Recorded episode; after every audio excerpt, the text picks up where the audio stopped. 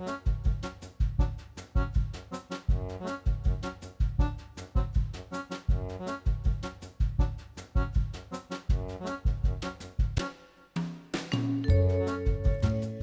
og sæl, velkomin í mannlega þáttinn. Í dag er þriðju dagur og það er einmitt í dag sem 13. júni er. Já, Kondur sæl Gíja. Kondur sæl Guðrún.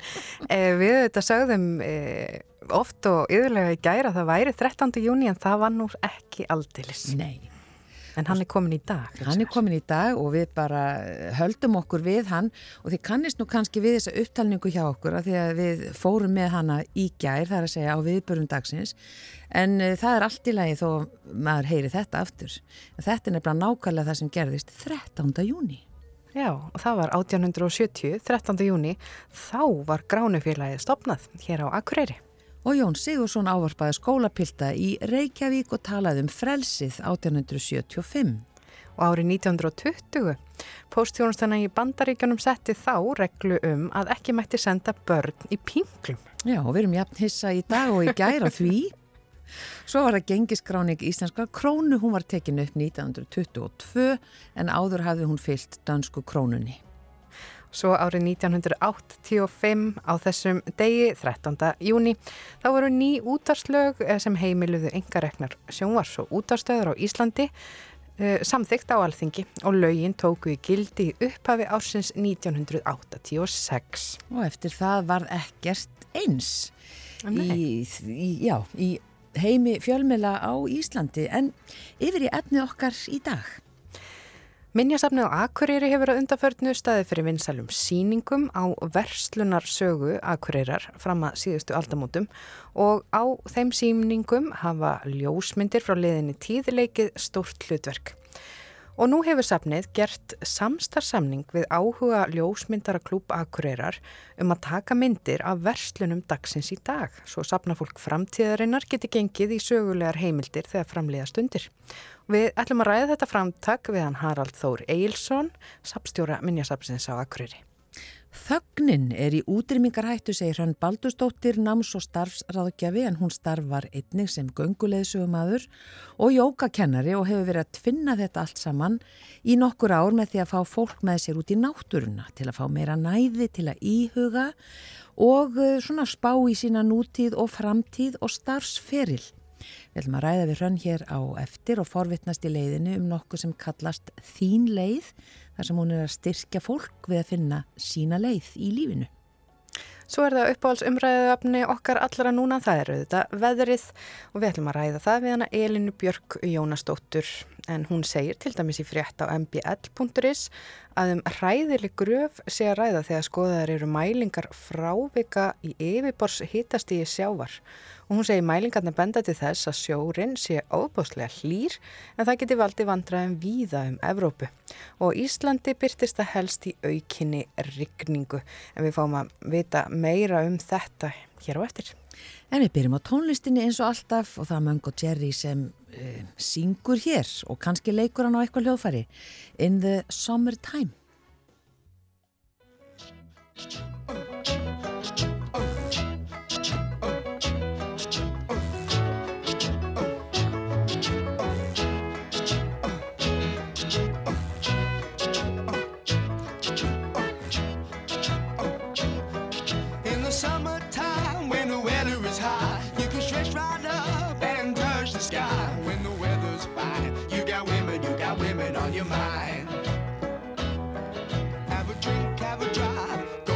See what you can find.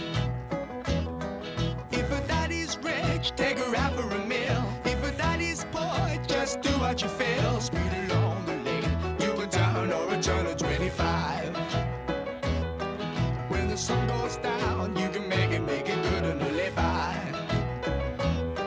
When I grab people, when I dirty, when I mean, we love everybody, but we do as we please. When the weather's sailing in the sea.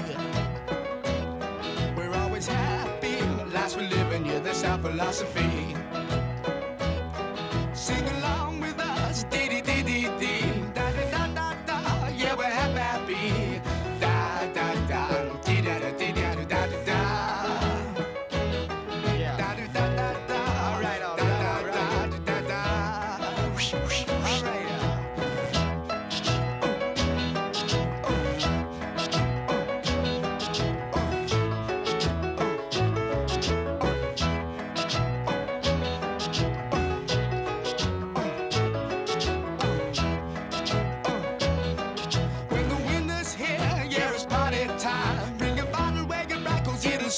Summertime and we'll sing again. We go driving or maybe we'll settle down.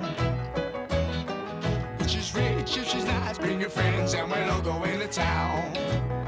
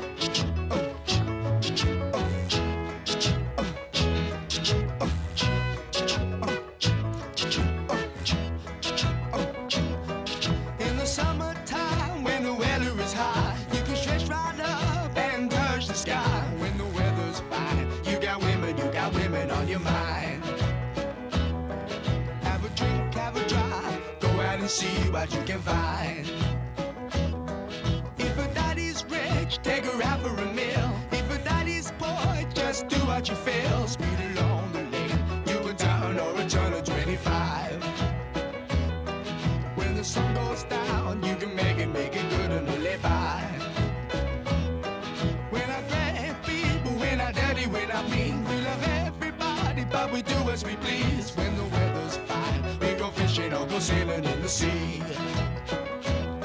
We're always happy, lives we're living, yeah, that's our philosophy. Sing along with us, dee dee dee dee dee, da da da da da, yeah, we're happy, happy. Da da da, dee da da dee da da da da. Mungo Jerry og In the Summertime uh, hér í mannlega þættinum á rás 1 og, og sólinn skín víða um land í dag. Já, hvernig er hún fyrir sunnan? Er ekki bara gott við núna í dag? Jú, það er ágætt, það er alltaf skíjað en hérna svona mis... Uh, Misskýjað. Já, í rauninni, misbjart en hérna við bara þökkum fyrir hverja gráðu upp á við. Já, algjörlega.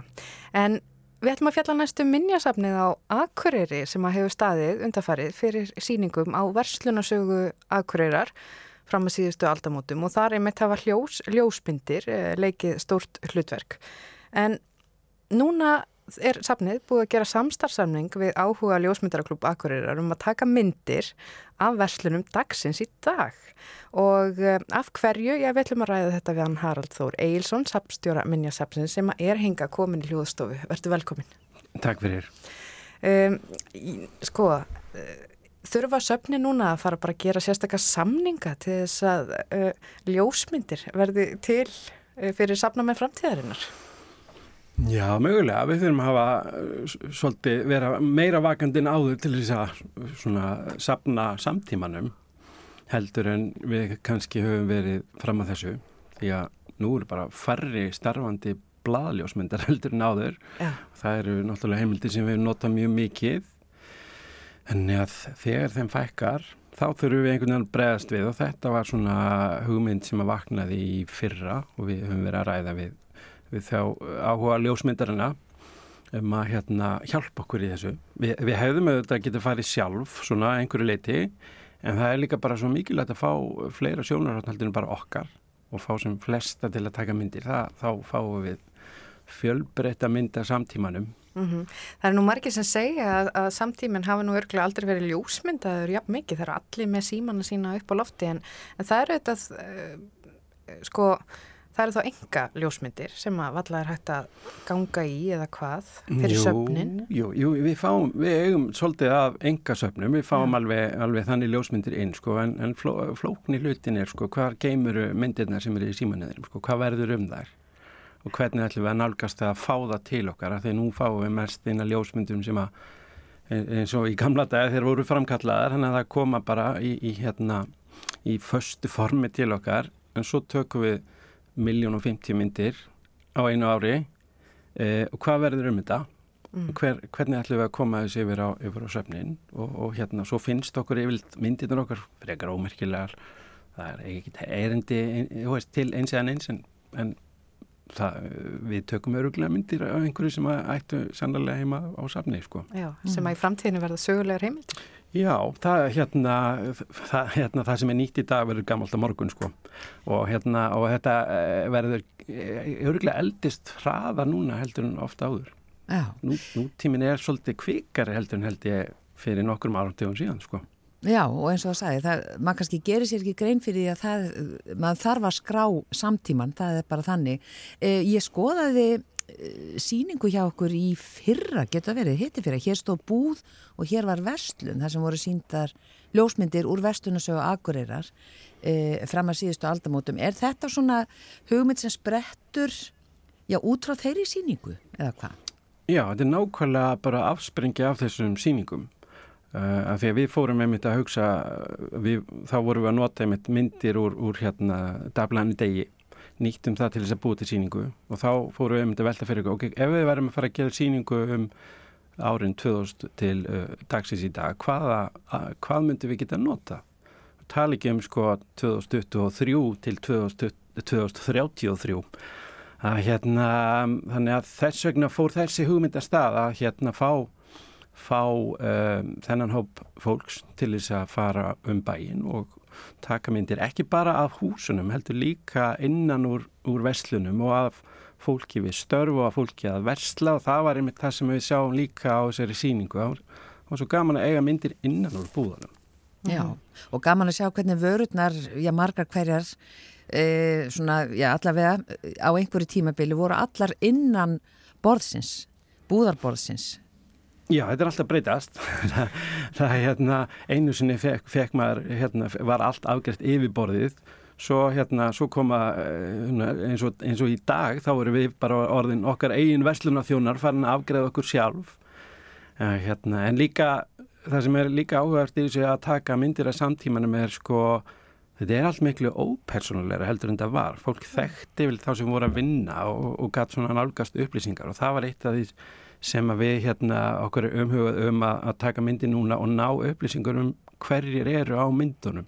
Já, þannig að þeir sem eru í áhuga ljósmyndara klúpnum sem að þeir eru búin að gera samning við, þeir þá vantarlega skila til ykkar svona einhverjum grunn upplýsingum með ljósmyndunum. Já, það, hérna, það er hugmyndin. Já, og, og svo kannski síðustu forfið í dag eh, að ná myndum af starfsfólki í verslunum ef við erum farin að gera bara allt sjálf.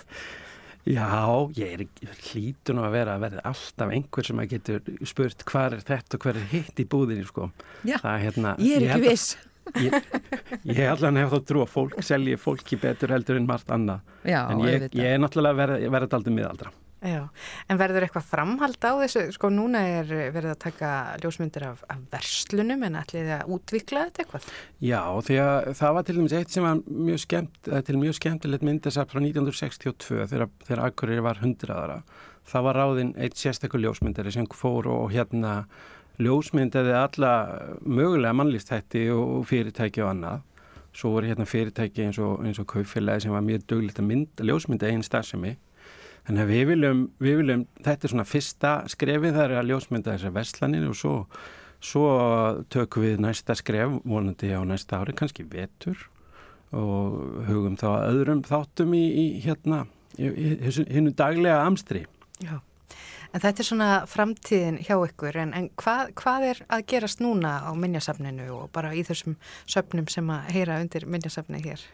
Nú er sömari bara að koma fullt sko, nú erum við hérna Um, uh, við erum kannski með þessu verkefni undirbúa sko vetrarvinnuna. Við hérna erum með ímis verkefni við veturinn en á sumrin þá erum við uh, nánast komin í ferðarþjónustu því að hérna hér streymir að streymir að gestir á allum söfnunum okkar bæði hér inn á Akkurir og út í Lauvási og Þannig að það er nóg að gera sko. Mm. Og alltaf með einhverja hópa, ég veit að þú ert bara nýkomin úr leðsögn. Já, ég var inn í nonnahúsi með, með hópi í morgun og, og það voru nokkur hópar út í laugási og það er, það er það sem er skemmtilegast. Það er að heita fólk og fá að ræða við gesti og, og hérna, tala ekki um ellenda gesti sem, sem að koma á finnst saga þess að litla bæ er alveg afskaplega merkilegt og gaman að kynnast henni. Það er náttúrulega það sem maður vil gera þegar maður ferðast, maður vil kynnast fólkinu og sögu þess sem að sem er heimsækja. Mm -hmm. Og Nonni, alltaf hjá Vinsæl? Hann er það og, og hérna þó að þetta hefur nú verið Amerikanar sem þekkja lítið til hans, þá voru mjög áhuga söm þannig að þau vildu kynnast sögu húsins og sögu þessara fjölskyldu og, og hérna var bara mjög gaman og mjög ræðinn og spurul. En er það aðalega, eða hafa það aðalega, aðalega verið þjóðverjar sem hafa áhuga á nonnasögunum eða hvað? Já, svona sögulega séð þá, þá hefur það verið þannig en líka sem sagt frá Japan það er hérna, sútenging hefur alltaf verið, verið mjög sterk. En annars er þetta í dag uh, fólk að koma allstaðar að sko og hérna þetta er, nánahús er ennþá eitt af svona kennuleitum bæjarinn sko Mm -hmm. Aðeins aftur að ljósmyndaverkefnin ykkar um verslunarsöguna. Um, þú sagðir myndist á að fyrirtæki væru sjálf ofta að taka myndir. Mm. Svo kannski sakna ykkur þess að, að sjá ekki sína verslun á svona yfirleitt síningum um verslunarsögu en, en geta þá ekki, hvernig geta fyrirtæki snúið sér í þessu? Það er til dæmis bara að senda okkur í, í, bara rafrænt, að senda okkur myndir eða koma til okkur og, og láta okkur hafa myndir og og hérna það var, við eigum ekki myndasögu bæjarinn sem svona leggur sig, það er ekki tæmandi safnið hjá okkur, þannig að við tökum daglega við nýjum, nýjum vörum ef við viljum segja það sem svo. Og hérna en það eru ljósmyndir það er eitt af því sem að fólk hefur gríðarlega náhuga á. Og við höfum verið í samstarfi við ímsa til eins og akkuri.net og sem að byrtir frá okkur myndir einu sinni viku og þær myndir eru, fólk býður eftir þeim og þær eru greindar ef ekki á tímyndum mm. það, það þykir lélitt að það gerist á, á klukktíma sko. Já, þannig að fólk er að, að segja hverjir eru á myndunum Já, og hvaða, hvaða staðir þetta eru sko. Þannig að kannski rata ljósmyndina sem við erum að fara að taka þetta sömarið, kannski rata þeir inn í svona greiningasýningu setna ef við náum ekki öllum upplýsingum Já, mögulega. Og er fólk alveg svona viðbúið því að það mæti ljósmyndarar þegar það er statt inn í búðum og þeir sem vinna þar? Já, þeir verða mertir og ég veit að hérna félag Vestlunar og, og hérna skrifstofufólks allar að kynna þetta sérstaklega og, og hérna við erum búin að vera að að koma þessu á framfæðin en þetta kom ekki fólki óvart. Að það var nú kannski til og með eitt sem að var hérna áður fyrir, maður var einhver starf á vappi og það kom einhver ljósmyndir og tók myndumanni að vera að selja dablaðið eða eitthvað í, í hérna fyrir sunnan eða í sundlauginni. Það er náttúrulega hægt að gera og kannski kipum maður sér ekki upp, fyrir, upp við þetta lengur af því að það eru hvað sem er allir að taka myndir. Mm -hmm. um, en, en hérna, er, er ekki ljósmyndaklúpurinn spendur fyrir þessu verkefni? Jú, mér skilst það. Það, hérna, það sé bara almenn ánæg með að fá, fá þetta verkefni í hendina. Þetta er mjög, mjög mikilvægt verkefni. Þannig að það er hérna, það verður spennand að sjá afurina af þessu. Við segjum bara gangi ykkur vel og, og og, og til uh, þessa ljósmyndaklúb sem heitir nú Álka áhuga ljósmyndarklúbur Akureyrar, eh, bestu úrskýr og, og, og verslunareigundur hér á Akureyri með að eiga vona á ljósmyndurum inn til sín, inn á gafl. En takk fyrir komin að hinga í manlega þáttinn Haraldur Þór Eilsson og segja okkur aðeins frá þessu verkefni og gangi ykkur vel á minnisamninu á Akureyri. Takk.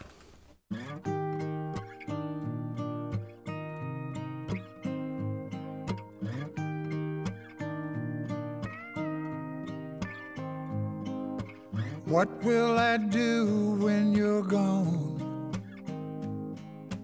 Who's gonna tell me the truth? Who's gonna finish the stories I start the way you always do? When somebody knocks at the door, someone new walks I will smile and shake their hands, but you can't make old friends. Can't make old, old friends. Can't make old, old friends. It was me and you since way back when, but you can't make old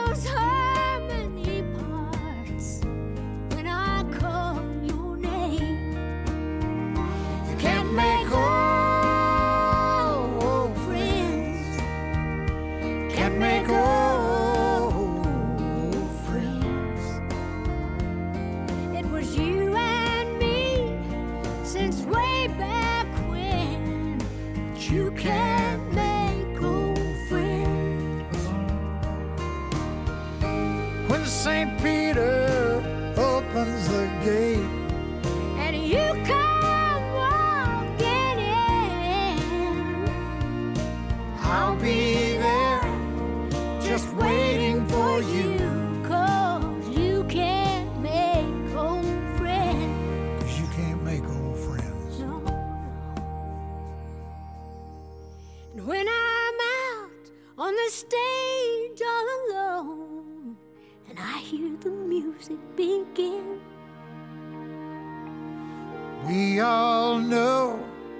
The show must go on, but you can't make old friends. no,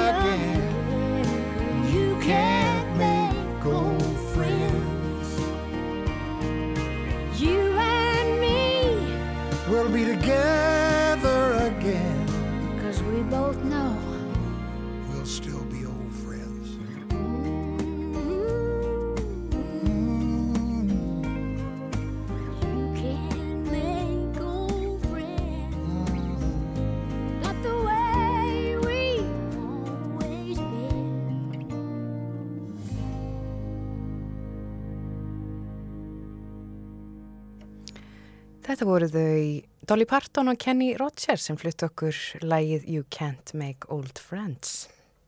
Þögnin er í útrýmingarhættu, segir Hrönn Baldustóttir, náms- og starfsráðgjafi, en hún hefur einni starfað sem gönguleðsögumadur og hefur verið að tvinna þetta saman í nokkur ár með því að fá fólk út í náttúruna til að fá meira næði til að íhuga sjálft sig og sína nútíð og framtíð. Og Hrönn er komin ykkar til okkar velkomin Takk fyrir. og við ætlum líka í leiðinni að uh, forvitnast um nokkuð sem þú kallar þín leið þar sem þú ert að stiðja fólk við að finna sína leið í lífinu og auðvitað tvinnast þetta allt saman. En svona segð okkur bara uh, svona frá því hvernig þetta byrjar. Já, ég er náms- og starfsrækjafi og hef verið að starfa við það frá aldamótum um það byll og fyrst uh, mikið í grunn og, og framhaldsskóla og en svona í og með líka aðeins með fullorðnum og síðustu árin hef ég farið meira út í það að, að hérna, nálgast fullari fólk að því að við erum kannski ekki með mikla hefði hérna á Íslandi og kannski örgla víðar að sem fullari fólk aðeins að staldra við og sjá, skoða okkur að eigin vegferð og, og starfsferil. Já, Þannig að mér finnst mikilvægt að hérna og langar til að gefa þetta rými og bjóða upp á aðstöðu fyrir meira fyrir fullorðin fólk til þess að skoða þetta. já og þú tvinnar þetta saman uh, bara útiveru eða sem sagt að vera í náttúrunni og síðan þessum hugleðingum Já, og ég var byrjað á því snemma bæði þegar ég var með unglingum og, og líka sko sjálf ég hef verið frá því mann eftir mér bara með svona þrái verið að vera meira út í náttúrunni sérstaklega á Íslandi, ég er ennþá með algjör stæði fyrir því, þannig að ég var hérna sem badnfarið var með gömlu landabrjábókina mína í aftursætinu og horfandi á hérna hvað heiti þetta þarna og fjallinn og, og bara um leiðu í gatt fór að ganga og þá fann ég líka sjálf þegar við erum komin einhvers lengst út í buskan og hvað við dettum inn í okkur sjálf ósarátt fyrir við að hugsa alls konar. Já, þannig að mm, það var bara með mitt landsegin ég byrja að hugsa þetta að þetta væri málið að fá fólk meira út í náttúruna bæði fyrir þetta að leiða hugana sjálfur sér, fá frið til þess og fyrir utan að í náttúrunni erum við líka að finna hugrekki, auka styrk og það er einmitt það sem við þurfum oft á, til að taka ákvarðanir á starfsferðlinin til dæmis og bara í lífinu að taka ákvarðanir sem eru kannski óhefbundnar, kannski hefbundnar en eitthvað óvernulega og erfiðar fyrir okkur. Við sjáum svo gjarnan hindranir. Þannig að það að líkamna þetta, að yfirvinna hindranir svona í grófari formi, mm. það hjálpar okkur að yfirvinna hindranir svona huglegar. Og það er eitthvað sem að hefur alveg sínt sig í rannsóknum og líka í hérna, eins og ég þekkt í jókaíðkunna því ég er líka jókakennari. Þannig að saman er ég, finnst mér dásanlegt að geta tunna þetta svona saman. já Þannig að það er bara svona að kúpla sér út úr já, sínum aðstæðum og fara eitthvað annað í annað umhverfi og það sem eru þessar áskoranir í náttúrinni, það, er, það hjálpar já, andlega, ekki, Já, ekki síður það. en líkamlega. Já, ennveitt. Þó ég sé líka með vitul og námskeið innandýra sem er náttúrulega gott líka og frábært að þá er eins og við þurfum stundum að losna eins við kassan sem að svona veggirnir eru og hérna og fara út fyrir og líka hreyfa sig og það er alveg hérna viðkent eins og til dæmis í mörgum sálfræðiransóknum og bara í vísindun heiminum að við erum ekki bara hugur og líkami heldur þessi líkamshugur, huglíkami. Þannig að ég held að flest okkar þekkjum það að þegar við einhvern veginn breytum um umhverfi þá sjáum við hlutina frá nýjum sjónarhörni og það er eitthvað sem gerist líka við að hreyfa sig aðeins ganga eða svona er einhverjum hreyfingum Já. það er ytir við einhverjum svona orkustýplum eða bara svona í líkamannum þannig að þetta er, finnst mér algjörlega nöysilt að nýta þetta. Og fyrir utan það að við eigum þetta dásamlega land sem er einn öðlindin okkar varðandi það að ég held að þessi sama hvar við búum á landinu þá er bara líku við sko fimm minútur út í bara náttúruna.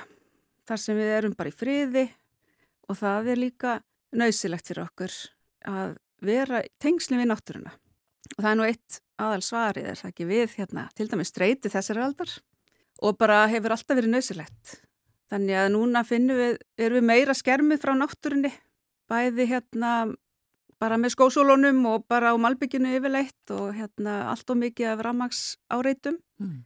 Þannig að við ætlum að þóla þetta ástand sem er líka alveg eindislegt að vera með alla teknina og lífsgæðin að þá er, verður við svona miklu að vera meðvitað um það að tengjast náttúrunni og aðeins að hérna fara út fyrir kassan. Já, fara út fyrir kassan og þú, þú talar um fullorðna. Hvað, sko, ertu að meina þá 40 pluss, 50 pluss?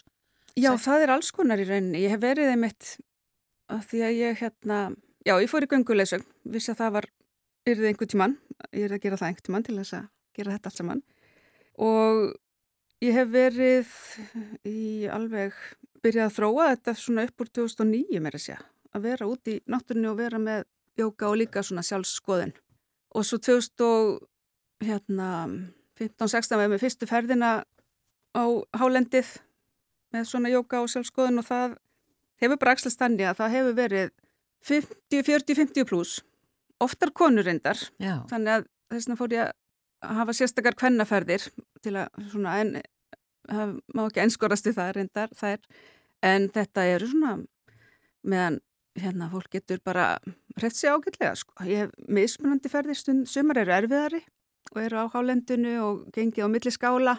Einstakasinnum stuttar tjaldferði mér segja. En svo hef ég líka haft rólegri ferðir þar sem er bara dvalið á einum stað og gengið létt út frá.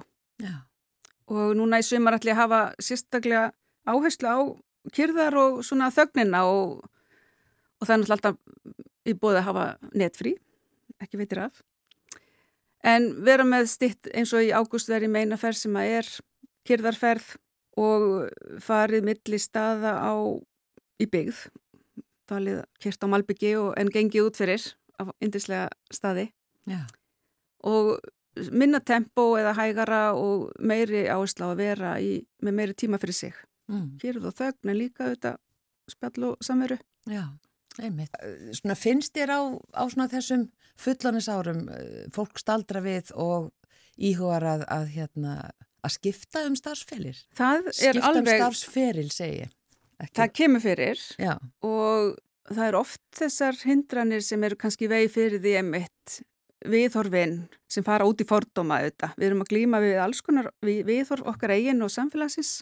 Það er nú bara að nefna aldurinn sem dæmi. Þú veist, all, erum alltaf annarkvort of eða van, of ung eða of gömul, of eh, lítið mentuð, eða of mikið mentuð. En þetta er oft maðurlega hugsanir stað, sem við erum að glýma við og höldum eitthvað í staðan fyrir bara að reyna að sjá þá einhverja leið að finna það besta sem skásta í stöðinni en prófa.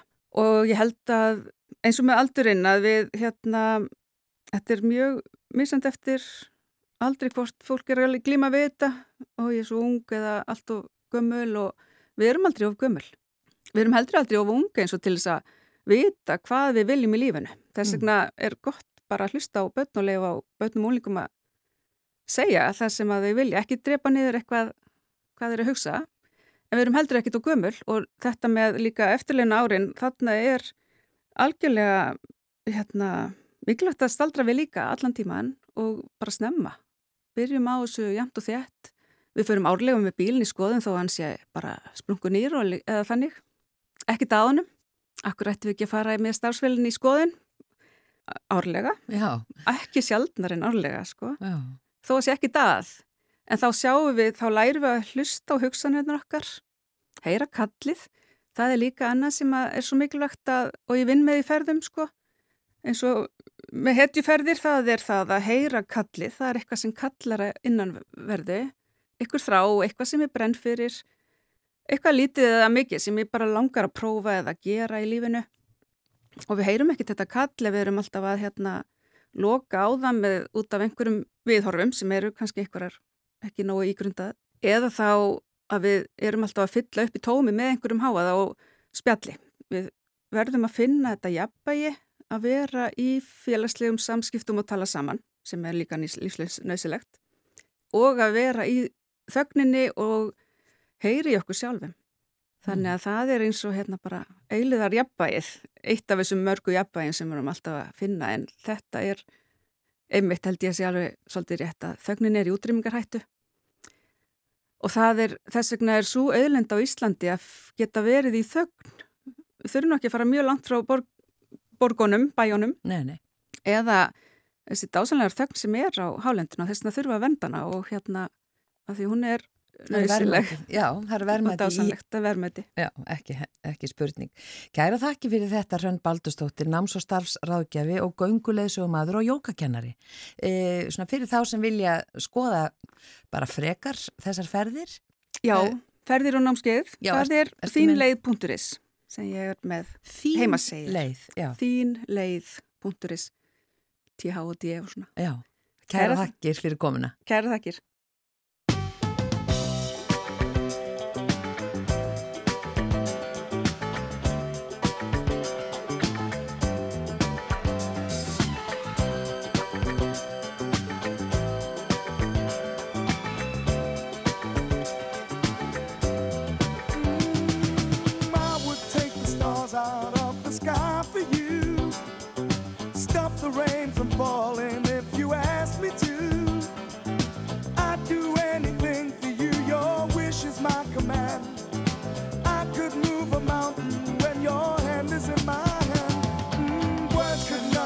How much you mean to me. There must be some other way to make you see. If it takes my heart and soul, you know I'd pay the price. Everything that I possess, I'd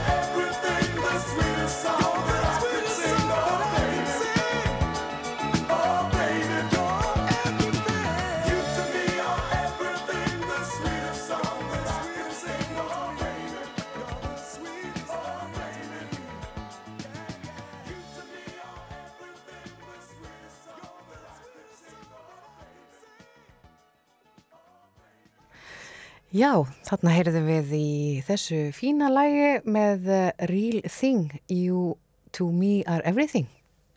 Já, þar komið að veðuspjallinu hér í mannlega þættinum og á línunni er uh, Elin Björk Jónasdóttir. Kondu sæl. Jú, góðan daginn. Uh, það hefur verið mikið í fréttum, eða svona ábyrjandi frétt og ég held bara eina af þeim mest lesnu síðustu daga fréttinum að, að hitar aukist í Evrópu og uh, rigningar aukist á Íslandi. Einmitt. Og það er viðtalið jú. þig. Já, ég raka augun þarna í, á Twitter, það er svona svolítið stort vísindasamfélag á því forriti.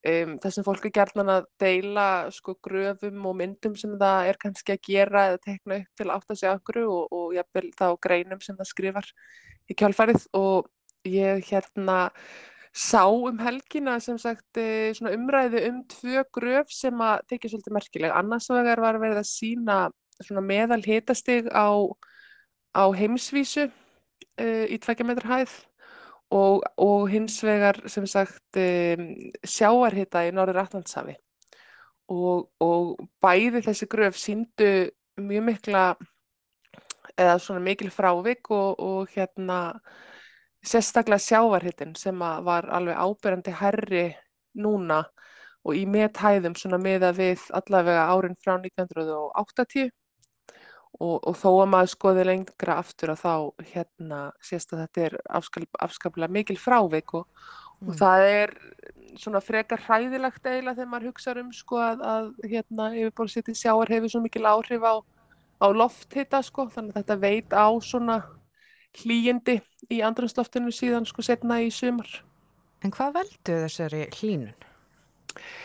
Já, þetta er sko auðvitað í grunninn mestmagnis þessar loftlagsbreytingar af mannavel- mannaveldum sem hafa verið að valda hlínun í lofthjúpnum og lofthjúpurinn síðan hitar sjóin og sjórin sem sagt er miklu svona setni til að bregðast við þannig að við sjáum sko erum ekki að sjá hitasöflunar og, og hérna og afleðingarnar í raun og veru í sjó fyrir en núna síðustu ár og koma meðal annars fram í súrnun sjávar líka. Eh, sko en við sjáum miklu, miklu svona stöðugri fæslur í meðalhita í andrúðsloftinu Já, um, og, og svo er til viðbótar við þetta svona um, hvað ég var að segja svona vegasalt í sjó í Kyrrahafinu sem er annars vegar kallað sko El Niño þá er hlýrsjór yfirborðsjór uh, við Kyrrahafið og svo La Niña þá er sem sagt kólnar yfirborðsjórin þá er sem sagt færibandið að hérna að, að hræra meira upp í sjónum og yfirborðssjórin verður kaldari. Og þetta er eðlilegt ferli og, og hefur svo sem ekki, sem sagt, er ekki hérna, vegna loftslagsbreytinga, þetta bara hefur alltaf verið svona um, að mista kosti svona sögulegum tíma. Og, en þetta hefur áhrif að því að auðvitað Kyrrahafið er alveg greiðalegt magn vass og, og greiðalt svæði og þetta hefur áhrif á veðurfar á í öllum heiminum. Þetta bætist við. Já, og núna er semst þetta El Niño tímabil að, að hefjast og, og semst þetta búið að vera í raun og veru þetta kalda tímabil síðustu tvö ár og núna er þetta snúast við, nú er semst lígi sjórin orðin yfirborðsjór uh, og það, sko, mestu hitabilgjur og hlýjustu ár frá upphafi mælinga hafa yfirleitt verið á svona Niño árum.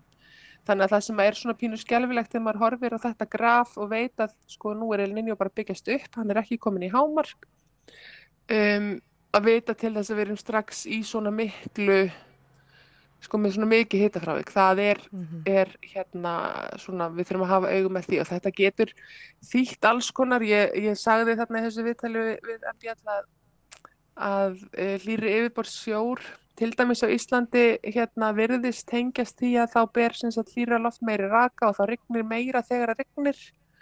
Um, og það er svona í samræmi við þessum að þessar hérna loftlagsbárum áhrif loftlagsbreytinga á Ísland. Þannig að ég átti ekki endilega að vona því að, að þú veist ég var ekki endilega að tala um að það erði uh, endilega rigning í sumar eða eitthvað slíkt heldur bara almennt með hlýri sjó í kringulandi að þá gætu við séð meiri hérna meiri úrkomu eða úrkomu magn. En, en síðan auðvitað getur þetta valdi bæði þurrkum og miklum hitum í Evrópu en líka flóðum og við sáum auðvitað í mæja það voru sko alveg hamfara flóð á Ítalíu meðan það voru þurrkar á Spáni og Fraklandi þannig að ástandið er svona svolítið tvísyngt nú þegar og það er auðvitað bara fyrir hluti júni þannig að þetta er svona, ég hugsa allavega að ég verði uh, daldið oft að skoða svona gröf og einhver svona frægugröf í sumar. Það er í raun og veru kannski það sem að, það sem að þetta segir mér, þetta, þessi kort núna sko. Mm. Já, en ef við höldum áfram að ræða svona fréttir sem að, að hafa vakið aðtegli, eh, sko Östurlandið fær sinn skerf og heldur áfram að fá sinn skerf á sólinu og það var nú verið að grínast eitthvað með það að það væri betra veður fyrir Östan heldur en á Tenerífi. Já, einmitt, ég veit nú ekki með það, en, en það er vissulega alveg ofsalega gott veður á Östurlandi og, og þau eru í þessari sömu hæð og, og, og mikill, hluti Európu og hérna að það er, er bara búið að vera í spánni 20 steg hitti þar núna í, í einhverju dag og ég er vel e, yfir 20. Þannig að það er bara meðan það er hlýr loftmassi og, og, og nógu svona mikil mótstæða gagvart því að það verði einhvers konar hafgóla á östfjörðum til dæmis að þá þetta hérna hlýnar bara mjög mikið en, en það verðist nú ætla að vera bara mjög hlýtt um allt land á morgun þannig að sjá nú kannski 20 gráðnar einhverstaðar annar staðar en bara fyrir austan þá. Já, en svona langtíma eh, spáinn?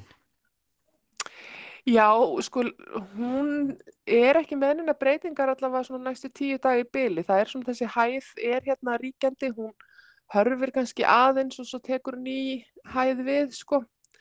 En, en það má nú kannski segja svona eftir helgina þá mögulega eitthvað breytur, einhverja breytingar af veðurlægi en ég held að síðan kannski vissar að vera ekkert að lofa upp í erminna á einum neina einum með það. Já, þannig að það eru engar svona drastískar breytingar í sjónmáli að minnstakosti.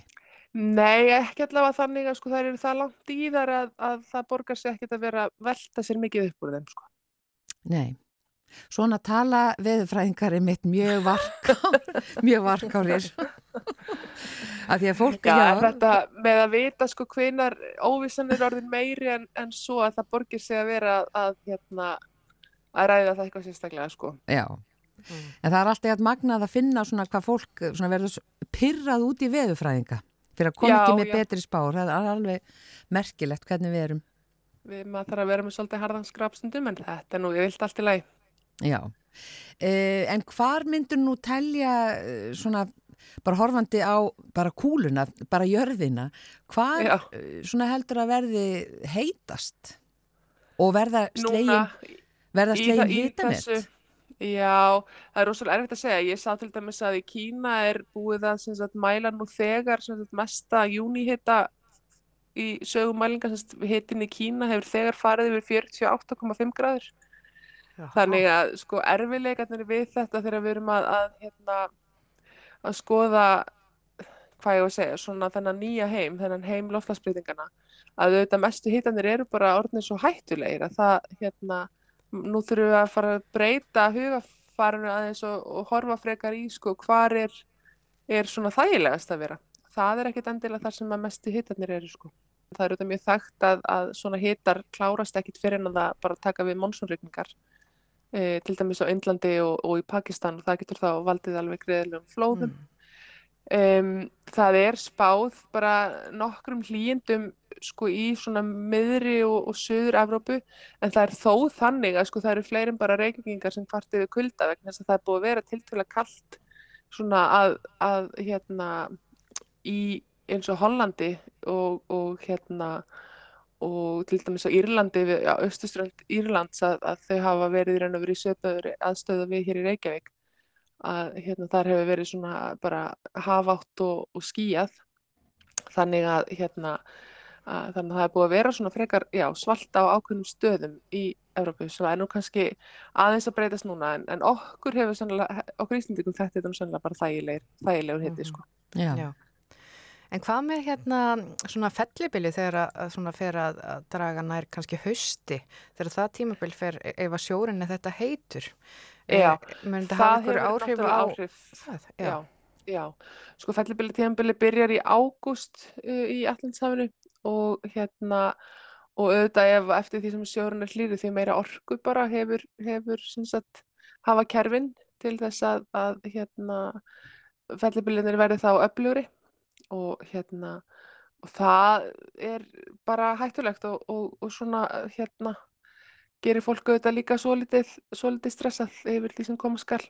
En það er svo margt sem spilar þar, þar inn í og ég hef ekki séð, það er ekki búið að gera spár sagt, um fjölda fellibila, maður sér það oftast frá fellibilamiðstöðinni svona mitt sumar en það eru ekki komnar í ár þannig að við bara getum tekið það síðar.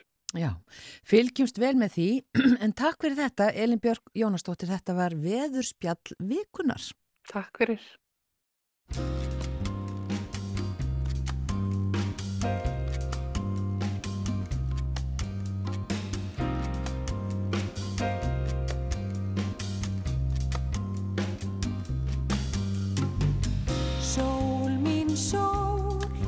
Sé þig rýsa yfir fjöllum Horfa yfir heiminn Halda svo af stað.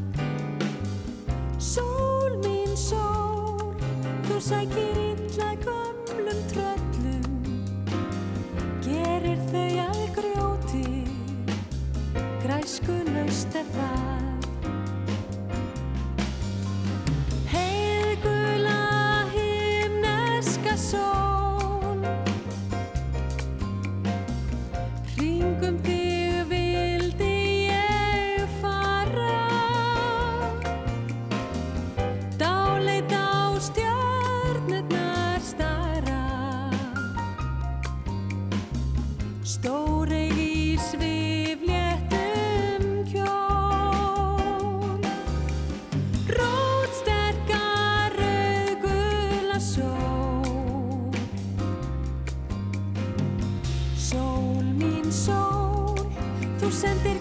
la.